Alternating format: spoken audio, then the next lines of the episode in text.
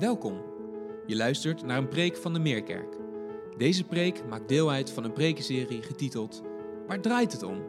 In deze serie staan we stil bij onze missie en onze visie. Waar draait het om in de kerk? En waar draait het om in ons leven?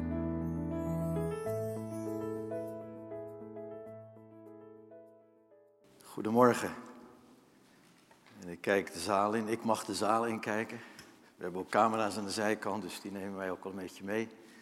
En natuurlijk kijk ik in de camera centraal achterin om ook een ieder toe te spreken, thuis of elders. Houd vol. Dat is een aanmoediging, altijd, maar zeker in deze coronatijd. Wat kunnen we het gebruiken om elkaar toe te zingen en wat mooi dat uh, vanmorgen de een de ander aankeek van onze vocalisten. Om ook heel persoonlijk, als het ware, tegen elkaar te zeggen: houd vol. En ander houd vol. En dan in de zaal: houd vol. Afgelopen donderdag op de 36e verjaardag, we hebben het al genoemd, uh, hadden we een open koffieochtend. En ook dat is gezegd, maar ik ben er zo enthousiast over, ik mag het nog wel een keer zeggen. Het begin van wat we hopen een wekelijkse traditie in het nieuwe kerkseizoen en misschien wel ver daarna. En Patrick en ik stonden donderdag op het voorplein, heerlijk in het zonnetje. We hadden eigenlijk gehoopt daar elkaar te ontmoeten, maar het was ook een beetje fris vanwege de wind die pal op, het voor, op de voorgevel stond. Dus wij stonden daar wel in het zonnetje, maar toch wel een beetje, een beetje fris om iedereen te verwelkomen. Alle gasten die aankwamen lopen. En wat een hartelijk weerzien bij een ieder die kwam. Voor sommigen was het de allereerste keer, zoals ook vanmorgen voor ons. Sommigen de allereerste keer sinds we dicht zijn gegaan vanwege corona. Een van hen, voor wie het de eerste keer was, was Klazien Verhoef. Ze kwam arm in arm vanuit hetzelfde huishouden met haar dochter Annemieke het plein oplopen. En dat was zo mooi dat ik vroeg of ik een foto mocht nemen. En dat mocht, en die mocht ik ook, mag ik ook vanmorgen tonen. Kijk, is dat niet een prachtig plaatje?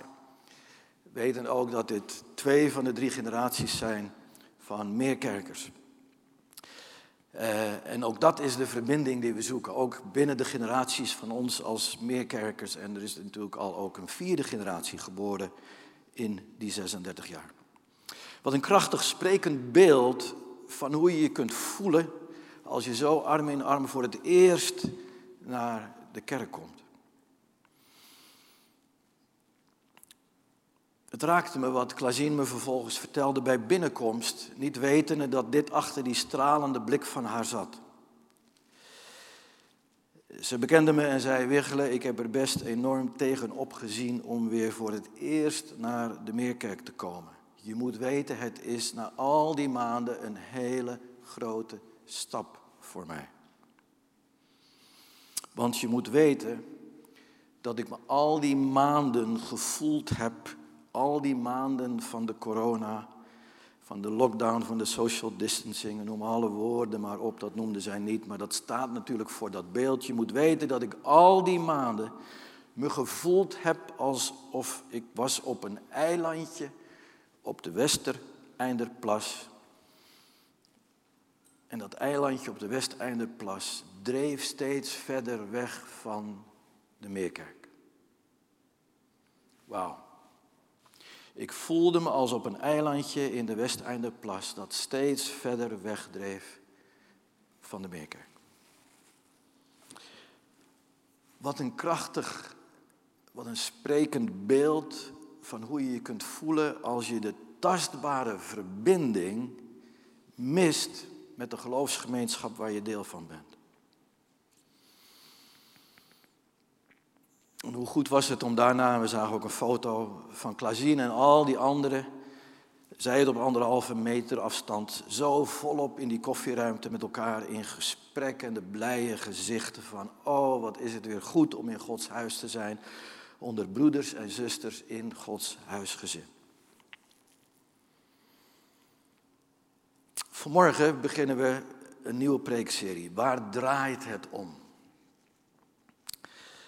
Eh, Patrick heeft al iets verteld en als je er afgelopen woensdag was of de video bekeken heeft van de jaarvergadering, dan weet je dat we voor de komende tijd willen kijken naar drie werkwoorden. De drie V's hebben we ze genoemd. Verbinden, verootmoedigen en voorleven. Verbinden, verootmoedigen en voorleven. En vandaag verbinden, juist omdat het ook zo past in dat beeld van wat Klazien noemde, om de tastbare verbinding met je geloofsgenoten, de meerkerk, het huisgezin van God zo gemist te hebben. Met alle pijn en verwijdering van langzaam afdrijven die daar voor haar bij kwam. En ik denk voor velen van ons zeker onze senioren. Nu, ik hoop dat we vanmorgen voorbereid zijn gekomen, ook met een hart verlangend, om ook met elkaar de diepte in te gaan van Gods woord, om iets meer te begrijpen van verbinden. Laten we daartoe de Bijbel openslaan bij Genesis 1 en lezen de versen 26 tot 28 en wel uit de NBG-vertaling van 51. Genesis 1, 26 tot 28. Daar zijn die bekende woorden. Op de zesde scheppingsdag. En God zeide, laat ons mensen maken naar ons beeld en onze gelijkenis, opdat zij heersen over de vissen van de zee en over het gevolgte van de hemel en over het vee en over de gehele aarde en over al het kruipend gedierte dat op de aarde kruipt. Vers 27, en God schiep de mens naar zijn beeld, naar Gods beeld schiep hij hem, man en vrouw schiep hij hen. En God zegende hen. En dan aansluitend willen we naar het Nieuwe Testament een tweede gedeelte lezen uit Johannes 17. En wel de eerste vijf versen en vervolgens een sprong maken naar vers 11b. Johannes 17 beginnen bij vers 1. Daarna sloeg Jezus zijn ogen op naar de hemel en zei, Vader, nu is de tijd gekomen, toon nu de grootheid van uw zoon, dan zal de zoon uw grootheid tonen. Hij heeft, u, hij heeft van u macht over alle mensen ontvangen, dat is de zoon, de macht om iedereen die u hem gegeven hebt het eeuwige leven te schenken. Het eeuwige leven, dat is dat zij u kennen, de enige ware God en Hem die u gezonden hebt, Jezus Christus. Ik heb op aarde uw grootheid getoond door het werk te volbrengen dat u mij opgedragen hebt. Vader, verhef mij nu tot uw majesteit, tot de grootheid die ik bij u had voordat de wereld bestond, voor Genesis 1 dus. En dan de sprong naar vers 11b. Heilige Vader, Bewaar hen in uw naam, welke gij mij gegeven hebt, dat zij één zijn zoals wij. Dat zij één zijn zoals wij. Tot zover. En ik zou zeker aanraden voor jezelf, maar ook straks voor je huiskringvoorbereiding om het hele hoofdstuk te lezen. Prachtig genoemd het priestelijk gebed, waar Jezus in zijn hart laat kijken in de relatie tussen hem en zijn hemelse Vader. Nu, als we vanmorgen spreken over verbinden, heel bewust gekozen als een werkwoord, dan is het je misschien opgevallen dat het woord verbinden in beide Bijbelgedeelten niet voortkomt. Niet in Genesis 1, nog in Johannes 17. Toch durf ik te zeggen dat Genesis 1 en Johannes 17 beide een fundament vormen voor het onderwerp van vanmorgen. Willen we iets begrijpen van verbinden, dan kunnen we niet om dit gedeelte heen. En daartoe zoomen we vanmorgen als eerste in op Genesis 1 en wel het woord ons meervoud. Vers 26. En God zeide, laat ons mensen maken. Laat ons mensen maken. Nu zullen sommigen denken, oh dat is logisch, God spreekt in pluralis majestatis, hij spreekt in koninklijk meervoud, zo spreken vorsten, net als onze koning op Prinsjesdag, wij, koning der Nederlanden. Maar nee, dat is niet aan de orde hier. Oh, het is waar, absoluut waar, dat God als schepper meer dan een koning alle recht en reden heeft om zich te bedienen van een koninklijk meervoud. Maar in Genesis wordt hier iets anders onderstreept, en wel dit. God is niet alleen één, maar God is ook meervoud. Dat wil zeggen, God is wat in de theologie we zijn gaan noemen een drie-eenheid. Wel de drie-eenheid, we kennen het allemaal van Vader. God is de verbinding van drie tot één. Nu, dat is een mysterie. Daar is door de eeuwen heen op vele wijzen geprobeerd een, een beeld bij te geven. Hoe moet je dat begrijpen? Maar ik kan je zeggen dat vanmorgen zeker niet de bedoeling is om zelfs maar een pool is en blijft een mysterie, een geheimenis. Iets wat we niet kunnen begrijpen, maar waar we, en dat bid ik voor vanmorgen, waar we wel door gegrepen kunnen worden. Niet begrijpen, maar wel gegrepen worden. En het zou een grote genade van God zijn vanmorgen. Als we slechts dit ene aspect voor een heel klein beetje meer gaan begrijpen over de drie eenheid, wat het ons te zeggen heeft. En laten we het goed met elkaar, als het ware, even onderstrepen. Zoals bij zoveel geloofszaken is het een wonder van genade dat we het niet begrijpen, maar daar eindigt het niet. We worden er wel door gegrepen. Het is door de verlichting van enkele eeuwen geleden dat de mens, zeker hier in het Westen, maar één doel had, te begrijpen. Descartes zei, ik denk, daarom ben ik. Wij hebben ons denken gemaakt, ons rationeel denken, onze ratio tot de kern van ons bestaan. Maar de grote vraag is, is dat wel bijbels? Daarom eindigt het nooit als je iets niet begrijpt. Daar staat een enorme komma in de Bijbel. Want door Gods genade, door Gods geest, in de innerlijke mens kun je erdoor gegrepen worden. En geloof is voor alles gegrepen worden.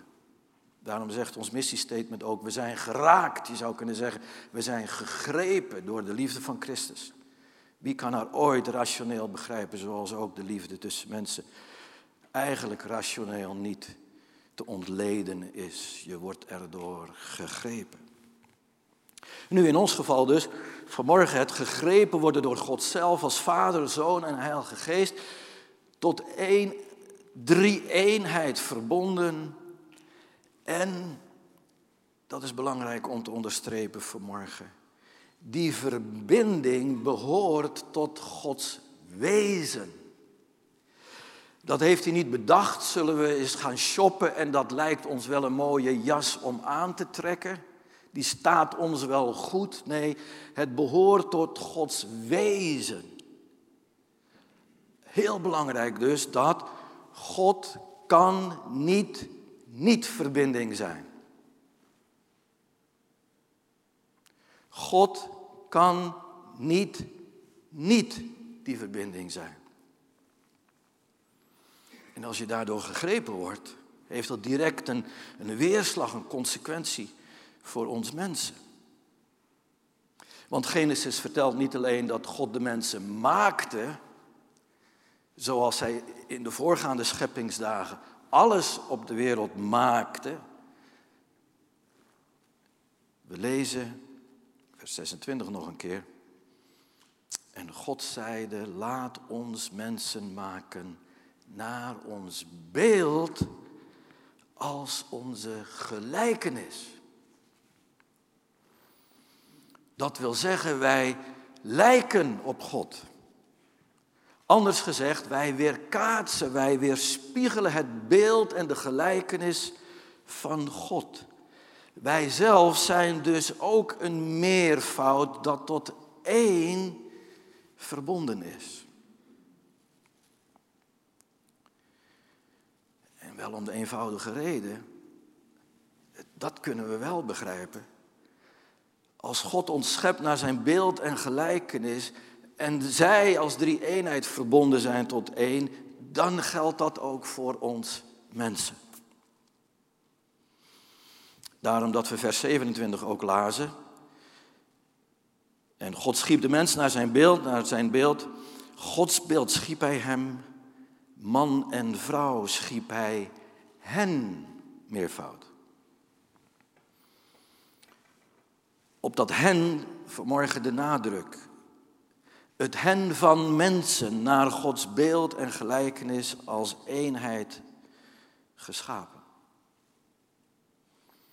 En het is precies dat wat de mens maakt tot kroon op de schepping, omdat de mens God zelf hierin weerspiegelt. Daarom dat God over al zijn scheppingsdagen en al zijn scheppingsdagen spreekt aan het eind van die dagen als en zie het was goed. Eerste dag, zie het was goed. Tweede dag, zie het was goed. Zie het was goed. Zie het was goed. Zie het was goed. Vijf dagen lang als conclusie van zijn scheppingsdaden. Maar over zijn zesde, zijn laatste scheppingsdag, de dag waarop hij spreekt, laat ons mensen maken naar ons beeld als onze gelijkenis. Voor die scheppingsdaad concludeert hij niet dat het goed is, nee, dat het zeer goed is. De reden is omdat God in de mens iets schiep dat in haar wezen die weerspiegeling van Gods wezen zelf is. De verbinding van meerdere tot één. Nu, als je Genesis 1 gelezen hebt en je leest Genesis 2, dat is een uitgebreidere versie van Genesis 1, dan zegt God ook expliciet weer, eh, expliciet bij de schepping van Adam, de eerste mens, spreekt hij dat het niet goed is dat de mens alleen zijn. En dat niet goed uit Genesis 2 staat natuurlijk in schril contrast met het vijf keer goed in Genesis 1. En in het bijzonder op dat één keer zeer goed van Gods scheppingsdaad toen hij de mens schiep. Daarom dat in Genesis 1 ook een voorsprong genomen wordt, schiep hij hem en schiep hij hen meervoud. Gods scheppingswerk met één mens die stand-alone, een op zichzelf staand leven leidt als een eenheid die nergens een boodschap aan heeft, is wat God zegt niet goed. Niet goed. Patrick benadrukte dit afgelopen woensdagavond door te zeggen dat we niet gemaakt zijn om solistisch te leven. En dat is niet alleen een solo-zeiler die de oceaan overgaat, maar dat is ons bestaan waar we eigenlijk ons terugtrekken op dat eilandje. En misschien wel bewust steeds verder afdrijven van de kust waar andere mensen zijn. En in het bijzonder de gemeenschap van God in zijn huisgezin.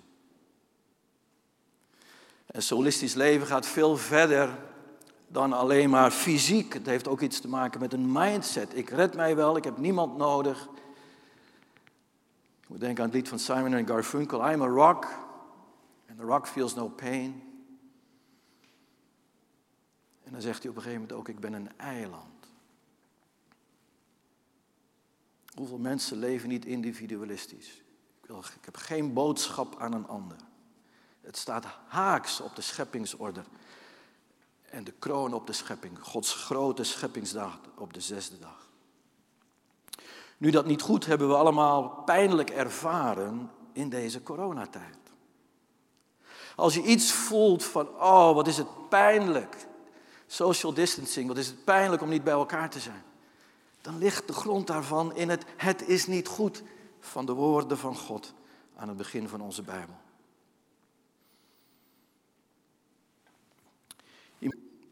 Verbeeld heeft op een doek is kunstenaar Piet den Hertog.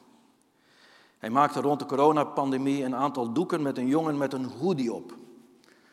Het beeld van iemand met een hoodie is ook precies het beeld van iemand die zegt: Ik wil met niemand wat te maken hebben. Ik wil niet herkend worden, ik wil niet gezien worden. Ik heb mijn eigen leven. Eigenlijk in een soort geheim leven. En dan schildert hij een viertal doeken en één daarvan noemt den hertog Lockdown.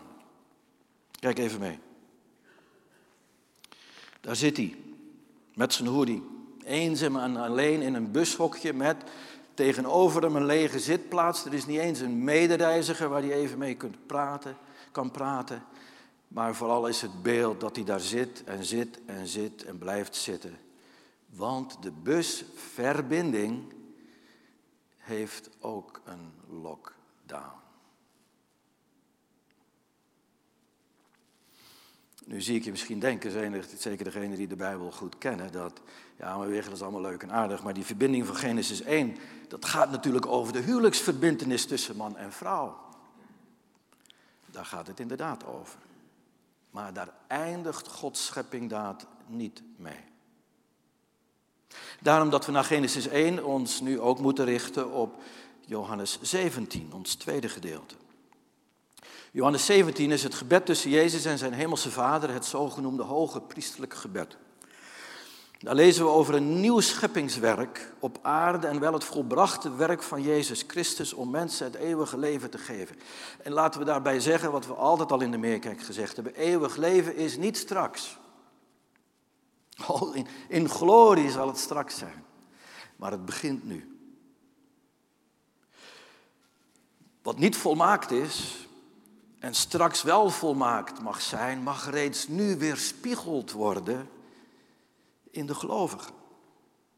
Eeuwig leven is het geloofsleven wat zichtbaar maakt wat er in een hart gebeurd is, persoonlijk, maar ook met mensen tezamen, dat reeds nu de verbinding tot stand gekomen is, die nu nog met vallen en opstaan is, maar straks ten volle zal zijn. Maar dat ontslaat ons niet van het nu al leven en uitleven van het kennen van de ware God en Hem die Hij gezonden heeft, Jezus Christus. Zo verwoordt Jezus het zelf in het hoge priestelijk gebed, Johannes 17. En dan zegt hij in vers 4 dit, ik heb op aarde uw grootheid getoond door het werk te volbrengen dat u mij opgedragen hebt. Vader, verhef mij nu tot uw majesteit, tot de grootheid die ik bij u had voordat de wereld bestond, voor Genesis 1 dus. Nu, het voert te ver, net als in Genesis 1, om, om verder in detail te bezien wat daar allemaal beschreven staat. Maar als je dan verder leest in Johannes 17, dan spreekt Jezus over een eenheid tussen de Vader en de Zoon. En daar is ongetwijfeld ook de Heilige Geest bij, die in haar wezen niet anders is dan de eenheid onder ons die geloven. Hoor wat Jezus zegt in vers 11b. We kijken hier in het hart van God, in het hart van Jezus, in het hart van de Vader. Heilige Vader, bewaar hen in uw naam welke u mij gegeven hebt, dat zij één zijn zoals wij. En als je dan denkt, ja, dat was voor de eerste discipelen, die waren speciaal geroepen. Uh, uh, uh, Daarom lees ook door in Johannes 17. Want Jezus bidt niet alleen voor zeg maar, de diehards, de eerste apostelen. Hij bidt ook voor ons. Toen al, voor 20 september 2020. Want verbonden zijn met je broeders en zusters in Gods huisgezin is geen optie, is niet een streven, het behoort tot ons wezen. Het wezen om elke gelovige niet alleen um, de supergelovigen, maar allemaal dit gebed ter harte te nemen. Dat ook wij anno nu één zouden zijn, gelijk de Vader en Jezus één zijn.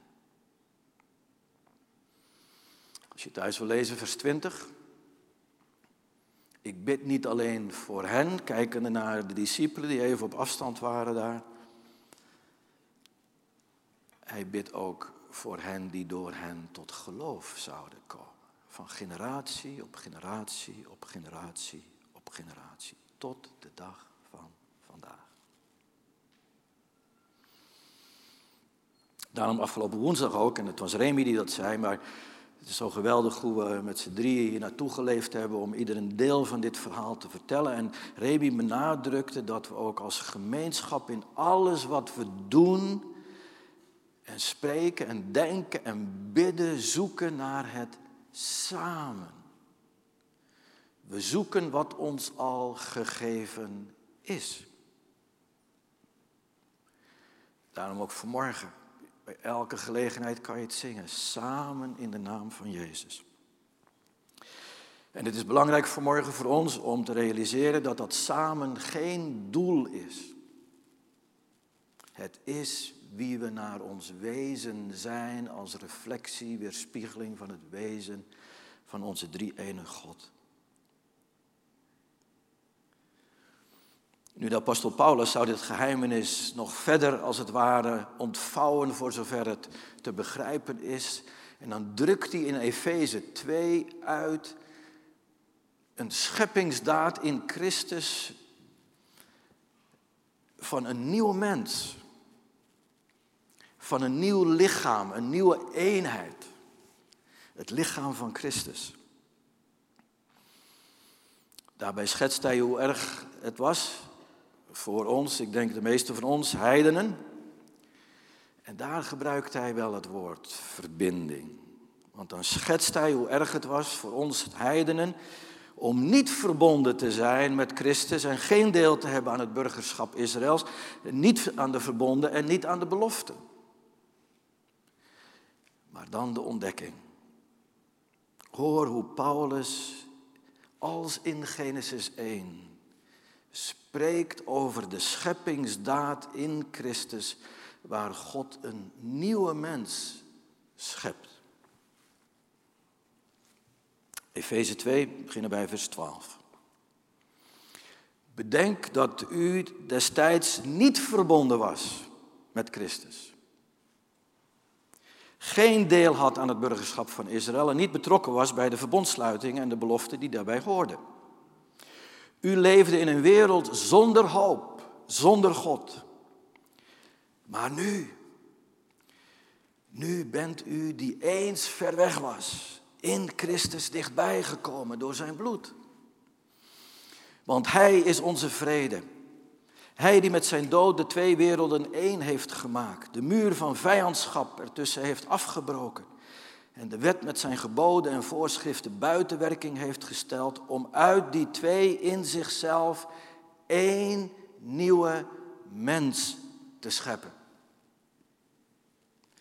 Zo bracht hij vrede en verzoende hij door het kruis beide in één lichaam met God. Is dit niet wonderlijk, broeders en zusters? Je zou er zomaar overheen gelezen hebben. Daarom als we gaan van Genesis 1 naar Johannes 17 naar Efeze 2, dan zien we een lijn die we door de hele Bijbel zien. Als we afgelopen seizoen het grote verhaal van God gevolgd hebben door de hele Bijbel heen, zien we hier ook een rode draad. Er zijn vele rode draden en subdraden. En de rode draad van Gods grote scheppingswerk om ons in Christus te verbinden met God en met elkaar is zo'n rode draad. Het is daarom niet te hoog gegrepen om onze preekserie de overall titel te geven. Waar draait het om? Waar draait het om in dit boek? Afgelopen seizoen al het grote verhaal gezien. En nu gaan we eigenlijk op een paar thema's inzoomen. Om door de hele Bijbel heen te zien wat het betekent dat God een drie-eenheid is. Wat het voor ons betekent en dat wij niet anders kunnen dan de verbinding zoeken. Omdat we in Christus verbonden zijn. Verbinden is daarom niet een keuze. Het was niet een keuze voor de eerste discipelen. En toen zij het evangelie doorgaven, zeiden ze, nou ja, wij zijn geroepen door de Heer, wij zijn de eerste discipelen, wij, wij zijn het fundament van de kerk. Hij had voor ons een hoger plan dan voor jullie. Dus voor jullie geldt het niet dat jullie één moeten zijn, mogen zijn, behoren te zijn. Zoals de Vader en de Zoon één zijn. Als we in deze tijd spreken over kerkverlating en als we in deze tijd spreken hoe, hoe het evangelie verwaterd is, dan hebben we nog heel wat om zelf in de spiegel te kijken. Ook dat is afgelopen woensdag genoemd en dit is er één van. Je verbinden is geen keuze, geen optie voor christenen. Het behoort in Christus tot ons weten. Nu, waar laat het ons aan het begin van een nieuw seizoen? Ik bid dat we een groeiend verlangen hebben. En als je dat verlangen nog niet hebt, dan bid ik dat je verlangt naar dat verlangen. Mensen zeggen, ja, weer dat verlangen heb ik niet. Zeg, nou, begin dan te bidden dat God je het verlangen geeft om dat verlangen te krijgen, zodat je ervoor kunt bidden. Al ik bid dat we een groeiend verlangen zullen krijgen in Christus te worden wie wij al zijn. Geschapen zijn en in die schepping in Christus ligt ook onze roeping. Geraakt en geroepen, gegrepen en geroepen te zijn wie we zijn in Christus.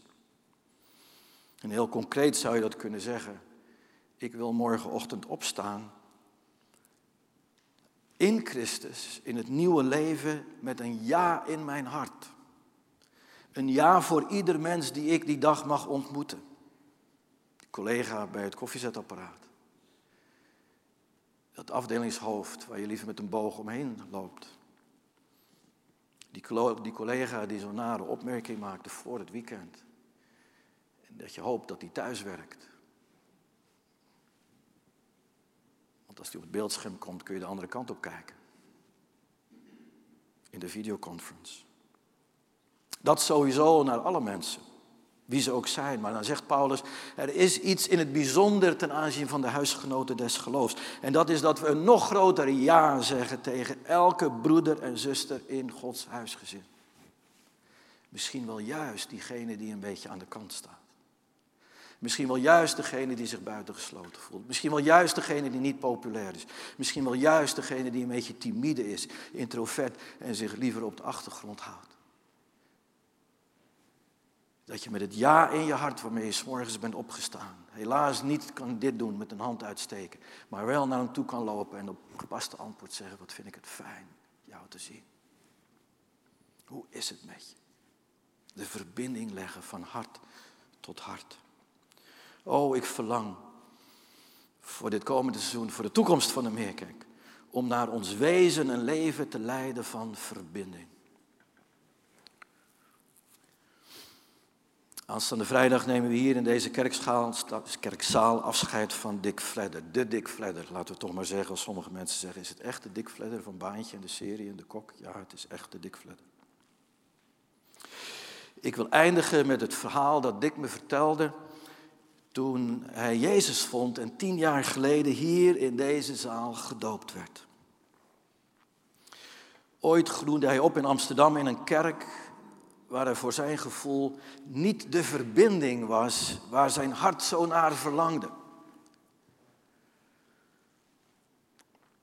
Hij was lang enigst kind tot zijn negende, toen kreeg hij nog een zus, Corrie. Hij moest voor het gezin zorgen, zijn vader uh, was ziekelijk. Ze hadden het niet breed, in tegendeel. En er lag zoveel op zijn schouder en hij hoopte in de kerk toch erbij te mogen horen bemoedigd te worden. Dat mensen hem zagen zien staan, dat ze vroegen, Dirk, hoe is het met je? Hoe is het met je vader, hoe is het met je moeder, hoe is het met je kleine zusje? Dick groeide op in relatieve armoede in een mindere buurt in Amsterdam. En dat voelde hij precies waar hij het niet zou moeten voelen. In de kerk. In de kerk. Waar de jongens van Rijkere kom af de aandacht kregen die hij zo wilde hebben en waar hij zich zo buitengesloten voelde. En niet alleen hij, maar ook de leiding van de kerk. Je zou kunnen zeggen wat ze in Amerika eh, noemen, hij was aan de verkeerde kant van de spoorlijn geboren. Niet aan de goede kant, waar je erbij hoort. En dat voelde hij des te meer in de kerk, omdat hij wist, in de kerk zou die spoorlijn niet moeten spelen. Alle barrières zijn weggenomen. De muur is doorbroken, hebben dat ook niet gezongen, samen in de naam van Jezus. Die de grenzen doorbreekt. Wel, dat voelde Dirk niet. En toen hij eenmaal 18 was, zegde hij de kerk vaarwel. Maar wat een genade van God dat hij na een bewogen en actief leven als regisseur op de Warmoestraat geraakt werd door de onvoorwaardelijke, geen grens bestaande liefde van Jezus Christus. Jezus Christus die niet buitensluit, maar verbindt. Verbindt naar het wezen van de heilige drie-eenheid, die wij in Christus door de Heilige Geest als Gods huisgezin zijn, naar ons wezen, die we omarmd hebben door het geloof, niet begrijpend, maar omdat we gegrepen zijn en daarom weerspiegelen. Het weerspiegelen is geen opdracht, het is een gevolg van ons hart. Het ja van ons hart waar we elke morgen in Christus mee mogen opstaan. Dit is wie ik zijn, ben als persoon en dit is wie we zijn als geloofsgemeenschap. Nou, dat wilde ik vanmorgen als basis van de serie en als eerste doorkijk in het onderwerp verbinden met elkaar delen. En ik kijk nog even de huiskamer aan, of waar je ook bent. Ik hoop dat u, jij, jullie je enorm verbonden gevoeld hebben. En ook straks de kijkers die nog na afloop uh, de dienst zullen bekijken of beluisteren op een ander moment. En laten we samen bidden.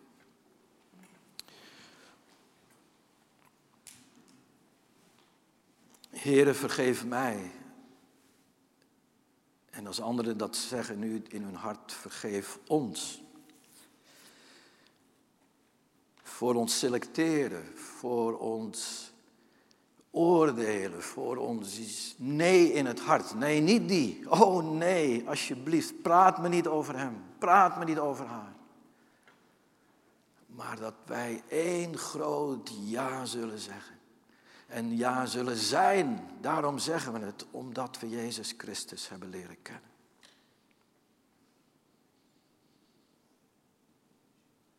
Mag het lied wat we zo gaan zingen nooit meer hetzelfde gezongen worden.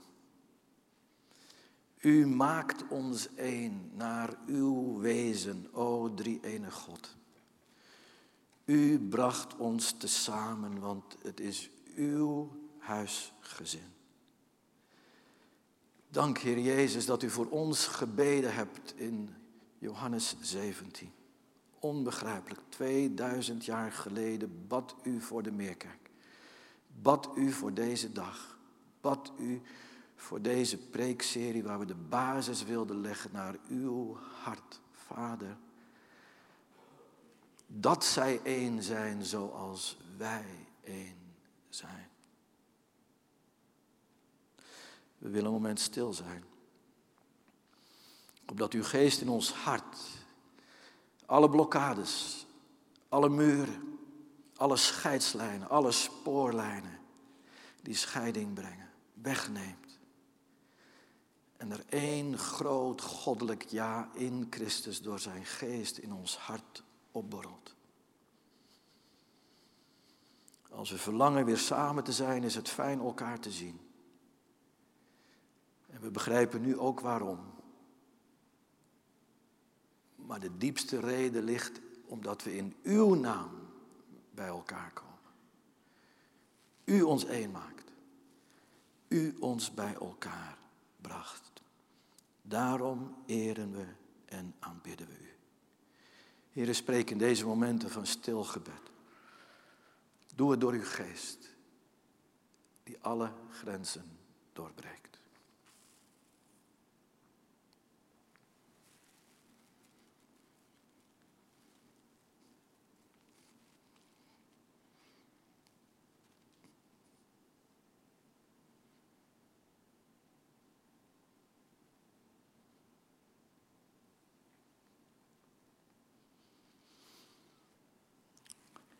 Dank u wel, heren. Mogen we het in alle bescheidenheid zeggen. Ja, Heer, ik geloof. Kom mijn ongeloof tegemoet. Oh, wat hebben we u nodig? Wat hebben we elkaar nodig? Dank voor wat u vanmorgen in ons midden gelegd heeft. Zegen het in de bespreking van onze huiskringen. Wat geen bespreking zal zijn, maar een gebed dat we erdoor gegrepen worden en steeds meer gegrepen worden in Jezus' naam. Amen. Amen. Fijn dat je hebt geluisterd. Voor meer informatie ga naar www.meerkerk.nl.